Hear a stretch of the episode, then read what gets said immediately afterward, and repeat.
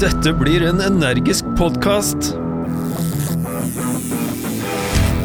I den nye energiske podkasten fra Ren Røros hører du om strømpriser, utvikling av strømnettet, roboter, automatisering og innhold i fibernettet. De neste månedene får du jevnlige energiske innslag. Nå er andre episode ute, og her er daglig leder i Ren Røros Strøm, Olav Veuseia, gjest. Du finner episoden alle steder du finner podkaster, og på nettsida til Ren Røros, naturligvis. renroros.no. Jommen, en podkast fra Fjelljom. Denne episoden er laga av Morten Haugseggen. Per Ludvig og Ole Jørgen, jeg må ønske dere velkommen tilbake hit i Norge, og Røros. Takk for det. Ja. Det er godt å komme med, men det var litt uh, overgang temperaturmessig. Ja, det skjønner jeg. Det var bedre der enn her, så det har gått utover fingre og tær da, når det kommer mat. Bortsett fra det, så er det selvsagt mye bedre på Røros. Jeg står altså i studio med Ole Jørgen Kjellmark og Per Ludvig Hengsæter. Dere har vært i Ukraina og har kommet tilbake til Norge og Røros nå, heldigvis i like god behold. Um, dere har vært dit for å levere utstyr, og vi skal prate om både utstyret dere har levert, og, og om turen og opplevelsene og hva det er. Men jeg tror vi må starte helt på begynnelsen av det her, for at eh, jeg lurer på om dere kunne si litt om bakgrunnen for denne turen. Altså, Hva var det som fikk dere til å begynne å tenke på den, og begynne å planlegge den? Det var vel eh, Vi så for oss hvordan det var der nede, og vi hadde lyst til å hjelpe. Og da hadde vi en slags brainstorming her tidlig, og fant ut at eh, noe kan vi gjøre. Og da var det jo Ole Jørgen der som i utgangspunktet kom frem til at eh, vi ville langt øst, og da fikk han tak i denne klubben Nipro City Rotary Club, og med adresser og personer.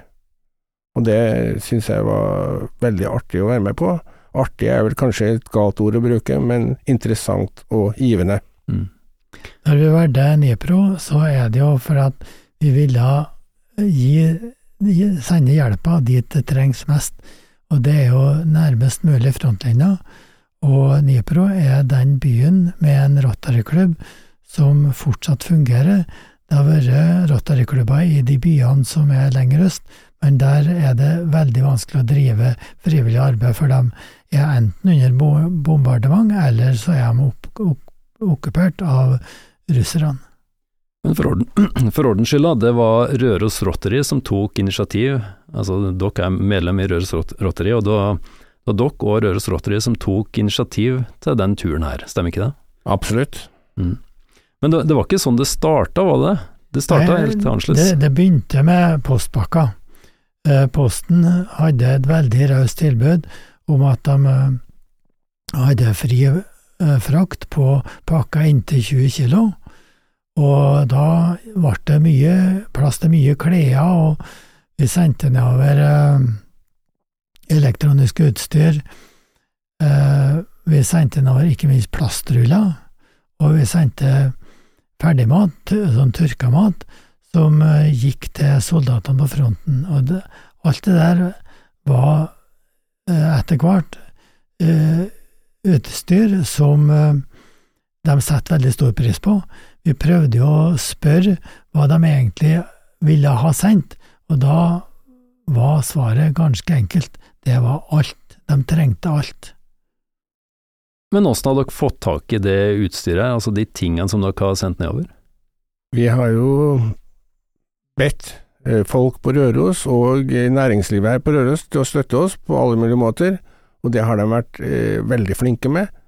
Og eh, etter hvert da så måtte vi jo eh, utvide arbeidsområdet vårt til eh, å gjelde hele det distriktet vårt, som heter da Rotary 2275, som gjelder da fra Røros og Kristiansund opp til Kirkenes. Og de har, der har svært mange av Rotary-klubbene vært svært villige til å delta og støtte oss rent økonomisk. Men ta, ta og Si litt mer om velviljen dere har møtt både fra privatpersoner og fra næringsliv her på Røros og, og i regionen her, da. Hva er det folk har bidratt med? Um, næringslivet har altså Butikkene på Røros som selger klær, har jo en del sesongvarer, og istedenfor å returnere det til produsent, leverandør, så har en god del da gått åt oss. Eh, I tillegg så har det gått nedover mye vintertøy, eh, som eh, Det har jo ikke vært fullt så kaldt på Røros de siste vintrene, men rørosingene har vært rause med å levere både sokker og strikka gensere og jakker som gikk nedover mens vi sendte postpakker. Vi hadde med òg noen pakker av den slaget nå, men det har utvikla seg i Ukraina. Eh, Framrykkinga av de russiske okkupantene har stoppa opp, og ukrainerne sjøl har i stand til å flytte fronten østover, slik at det oppstår ikke så store flyktningstrømmer lenger. Og eh, selv om mange flyktninger har rømt fra Ukraina, så er det òg mange interne flyktninger, men de er òg brukbart tatt vare på for en stor del, slik at behovet for, for klær, varmt tøy, det er ikke så stort som det var i fjordvinter. Så nå er det andre ting som trengs, og ikke minst så fikk vi beskjed om at soldatene fryser, og de må få mat med mer næring til, så det er noe av det som står på øverst på ønskelista nå, men det er ting vi må kjøpe inn, og derfor er det nå pengegaver som teller. Mm. For, for, å tilbake til den turen som dere eh, var på nå, da. Eh, eh, det var jo på grunn til at dere ikke fikk sendt pakkene gjennom posten lenger, så måtte dere finne alternative reisemåter. Åssen var dere løste det? Vi gikk jo ut på Begynte å lete på Finn for å finne egnede kjøretøy, og, og det var jo slik at eh, Og vi så jo en del av det, men eh, det passa ikke i vårt bilde. Men så var det jo det at Ole Jørgen han fikk tak i en i Sunndalen, tror jeg det var. Surnadal. Surnadal var det, ja. Og der fikk vi en diger Mercedes kassevogn som var EU-godkjent, og som uh, hadde et voldsomt lasterom som uh, vi kunne fylle opp. Og Da gikk det inn sykehussenger, uh, ambulansebårer, som vi fikk to stykker av fra helsebussen, en god del sykehusmateriell fra Røros og engangsutstyr. Vi fikk òg donert mye tannlegeutstyr ifra, både fra Trondheim og fra eh, tannlegene på Røros. Ja. Og så var jeg så heldig på et møte i Trondheim, så traff jeg en kar oppe fra Mo i Rana. Og han er også Rotary-medlem, og um, han kunne fortelle meg at det var en, sto en ambulanse der oppe som uh, var på vei til Ukraina. Men dessverre så hadde, hadde vedkommende som sto bak den leveransen, han hadde blitt alvorlig syk og kunne ikke, ikke fullføre oppdraget. Og da spurte jeg selvfølgelig om, om det var noen mulighet for at vi kunne få overta denne ambulansen, slik at vi kunne, i hans navn på en måte, sende det nedover til Ukraina. Han skulle egentlig til Odessa, for der han, var han medlem av Odessa Rotary-klubb, og han hadde en kone der nede fra som, som også var svært ivrig for å få dette til. Og etter hvert så kom vi da i bra kontakt, og han var, sa seg villig til å overdra denne ambulansen til oss. Og så fikk vi da stor hjelp fra et eh, bilverksted der oppe som satte bilen i god stand på alle mm. mulige måter. Og vi kunne starte turen derfra den 1. november. Ja, du, du reiste jo nordover for å hente bilen, gjorde du ikke det? Jo. Og, og, fikk støtte til det, faktisk? Ja, vi fikk en god støtte fra Widerøe flyselskap, mm. og eh, de betalte faktisk da den turen opp dit. Og så, det var en litt sånn trist avslutning på historien med han, eh, han med ambulansen. Ja. Og det, det ble jo på en måte eh, Dere fikk jo det ærefulle oppdraget med å fullføre verket hans, på en måte. Ja, Hva, altså, hva som skjedde med han? Og så den dagen, 1. november, når vi kjørte den bilen ned til Røros, så dessverre så døde han på sykehuset. Mm. Og, han, og, han, og hans kone sa ga oss tillatelse til å fortelle dette her videre. Trist historie. Men heldigvis da, så ble jo det her til glede for andre, for at du fikk frakta den eh, bilen ned hit og lasta den med utstyr, og så kjørte dere i veien til Ukraina. Ja, ja, og den dagen vi startet herfra, den 3. november, da, så var det jo grisevær her på Røros, og hele veien nedover til iallfall til Elverum. Og jeg hadde følelsen av at jeg kjørte en rattkjelke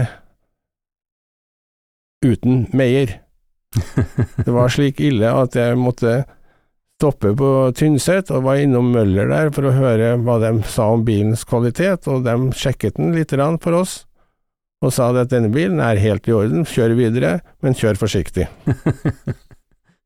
Her, første etappe gikk jo til Oslo. Mm. Derifra til Karlskrona i Sverige. Så var overnatting på ferja over til Gdynia. Ferja ble for øvrig sponsa av Stena Line.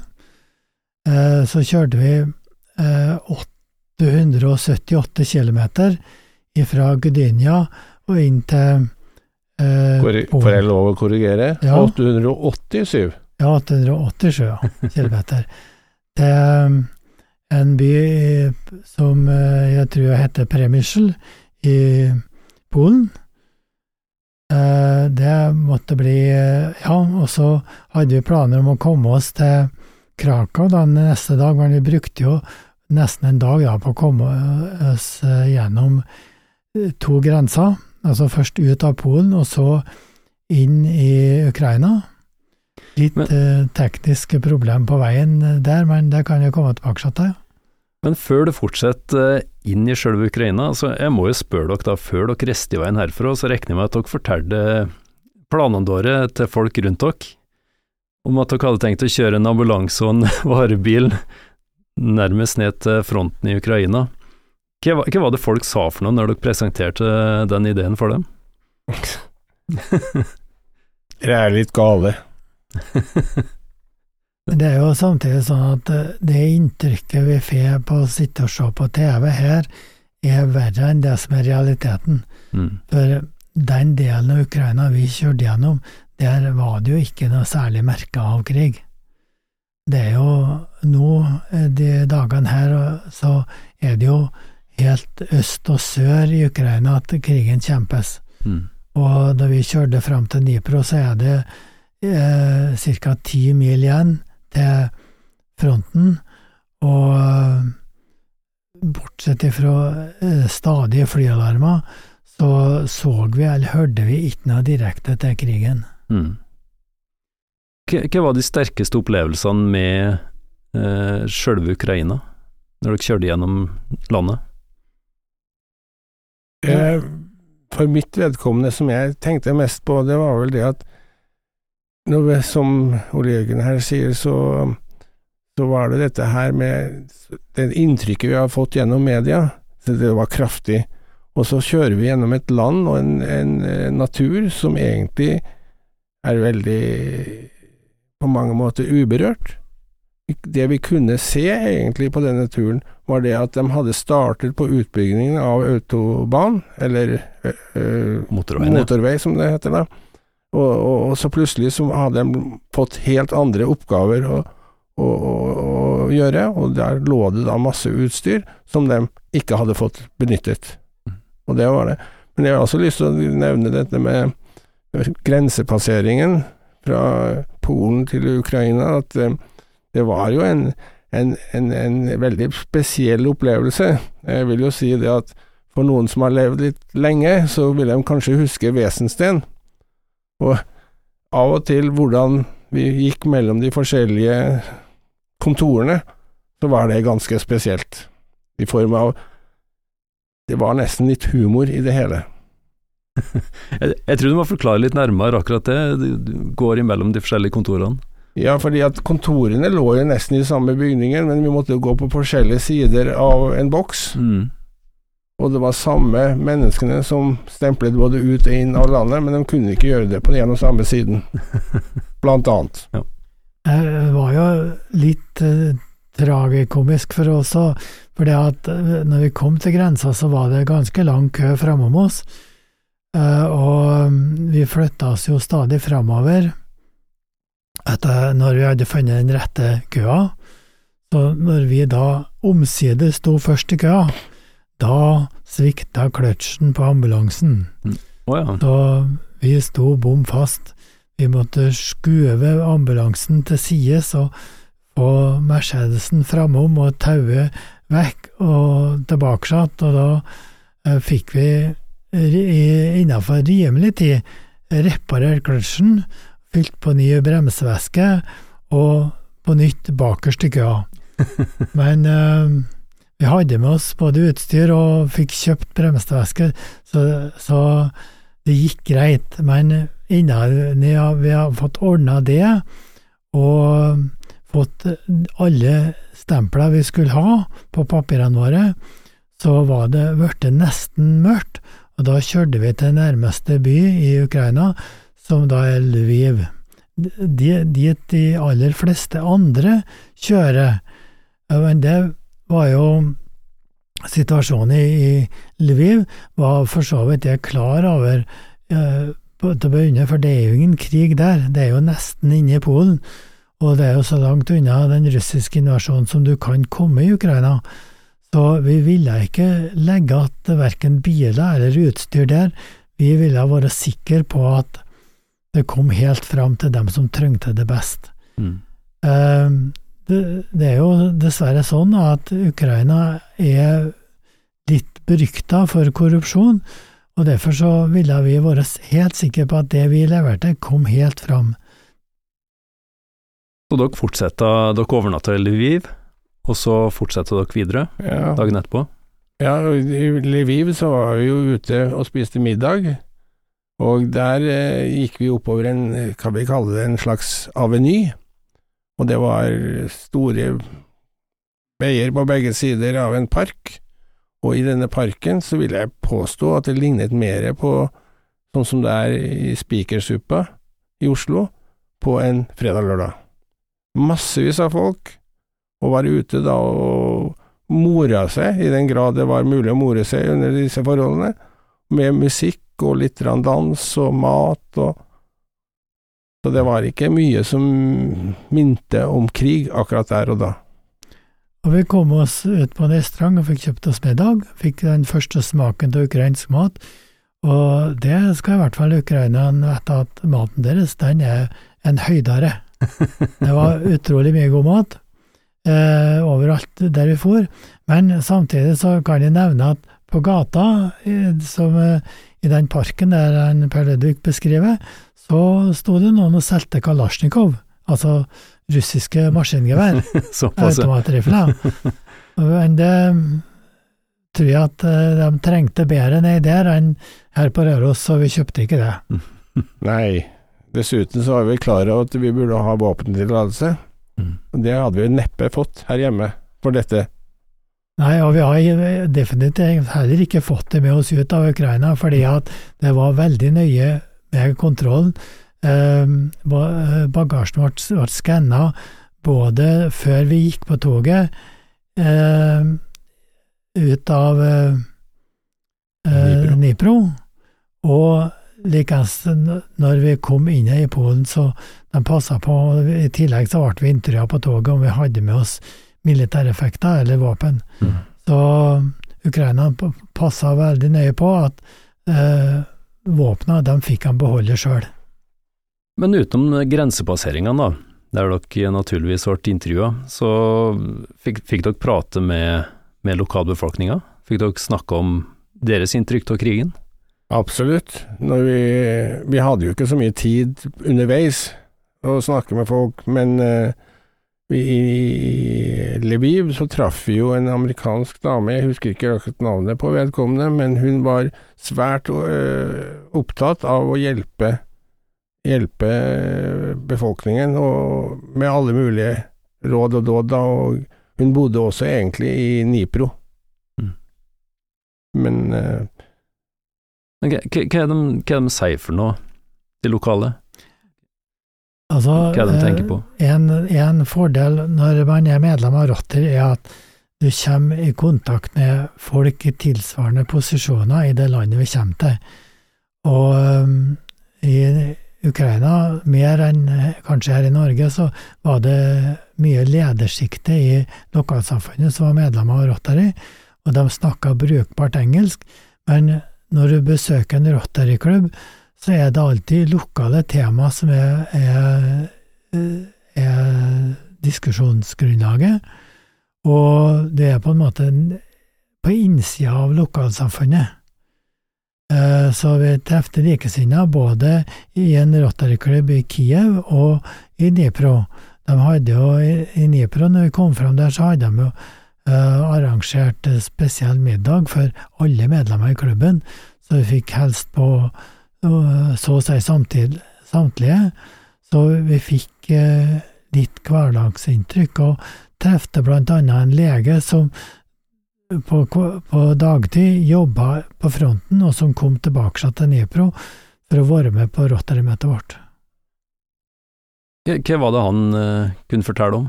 Åssen var hverdagen hans? Han bekrefta det at de trengte alt, Mm. Og at ambulansen kom særlig godt med, og at eh, de matvarene vi hadde sendt, han mente det at de hadde berga livet på, til noen av soldatene, fordi at de fikk nok næring til å holde ut i skyttergravene. Eh, Samtidig så fikk vi oppdatert informasjon om at de soldatene var både kalde og blaute. Så vi skal prøve om vi klarer å hjelpe til med det etter hvert, da. Ja, vær så god. du spurte om hvordan vi opplevde å samtale med de fra Ukraina. Jeg vil jo si det at eh, jeg har levd noen år, og jeg i løpet av de tre dagene vi var i Nipro, så tror jeg jeg har fått flere takk-klemmer enn jeg noensinne før i mitt liv har fått. Og jeg har levd da nå, som sagt, noen år. Har det forandra dere, den opplevelsen her? Tenker dere på verden på en litt annen måte etter turen? Det tror jeg.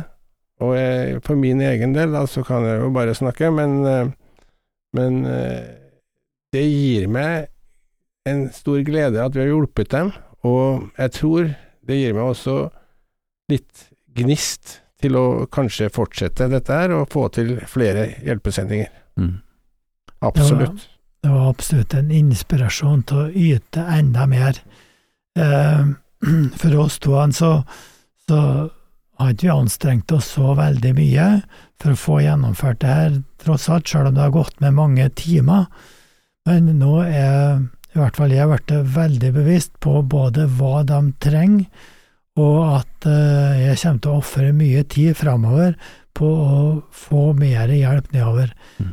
Eh, de kjemper den eh, kampen mot den fienden vi har forberedt på oss på å kjempe imot ifra eh, 60-tallet opp til nå. Sjøl var jeg inne i førstegangstjeneste i 1973 til 74, og det er altså den samme fienden. Nå er det ukrainere som kjemper den krigen som vi forberedte oss på, men som alle vi norske har sluppet å, å kjempe. Så nå må vi hjelpe Ukraina sånn at de vinner krigen, og det er med alle midler. Jeg ser også for meg det at eh, den neste sendingen, den må bestå av noe annet enn det vi sendte nedover nå. Det var veldig godt mottatt, men eh, vi fikk også klar beskjed om at eh, vi måtte endre på noe av dette her. Og, men dette med engangs... eh, eller mat, da, det er de veldig opptatt av til soldatene. Og jeg må innrømme at jeg har ikke fått tid til å fortelle, men jeg har vært i kontakt med Tromsø i dag, og har funnet noen venner som skulle påvirke denne fabrikken til å gi oss maten enda billigere. Så hvis jeg forstår dere riktig, så planlegger dere allerede en ny tur, ny forsendelse. Eh, Tar dere imot hjelp? Absolutt. Absolutt. Vi har en Vipps-konto som eh, istedenfor at vi sier nummeret nå, så kan vi si at let opp Røros Rotary Klubb, Røros Rotary, og den kontoen som er benevnt Ukraina. Så kan folk vippse penger dit. Mm. Jeg vil absolutt være med på en tur til, men eh, det er litt avhengig av at min kone tillater det. Og så leter vi nå desperat etter å finne et egnet kjøretøy, og det de særlig spør etter, er firehjulstrekker med dieselmotor, manuelt gir, og eh, vi har kommet i kontakt med en annen organisasjon som òg eh, har tyngre sponsorer enn Røros Rotary Club, og den organisasjonen heter Fritt Ukraina. Og de har noe penger til å kjøpe kjøretøy, så er noen som vet om firehjulstrekker, dieselmotor, manuelt gir, så ta gjerne kontakt. Mm. Det samme vil gjelde for også ytterligere ambulanser. Vi skal ta på å avslutte, men eh, dessverre så er ikke det eh, konflikten i Ukraina den eneste konflikten eh, vi har. Vi har jo noe på Gazastripa òg. Opplever dere at krigen i Ukraina mister mye av oppmerksomheten nå med den nye konflikten på Gaza? Jeg tror nok det at den uh, har uh, innvirkning på folks interesse av det vi driver med, Mm. men jeg håper at vi kan klare å, å gjøre to ting samtidig. Vi må få holde oppe fokusen på å hjelpe Ukraina. Det kan vi gjøre noe med. Det som foregår i Midtøsten, kan vi gjøre veldig lite med, bortsett ifra at vi etter mitt syn burde ha anerkjent Palestina nå, istedenfor et sånn kvasi-vedtak som ble gjort på Stortinget. Vi skal ikke gå dypere i den eh, debatten der. Vi skal, jeg skal bare si tusen takk for at dere tok dere tida til å prate med oss. Og så vil jeg ønske dere lykke til med en tur til, men du hadde en ting til å si, til å si Per Ludvig? Jeg sier sier gjerne sier takk for at vi fikk lov å komme. Bare hyggelig. Takk skal du ha, trivelig. Du har hørt en podkast fra Fjelljom. Alle våre podkaster finner på vår nettside fjelljom.no.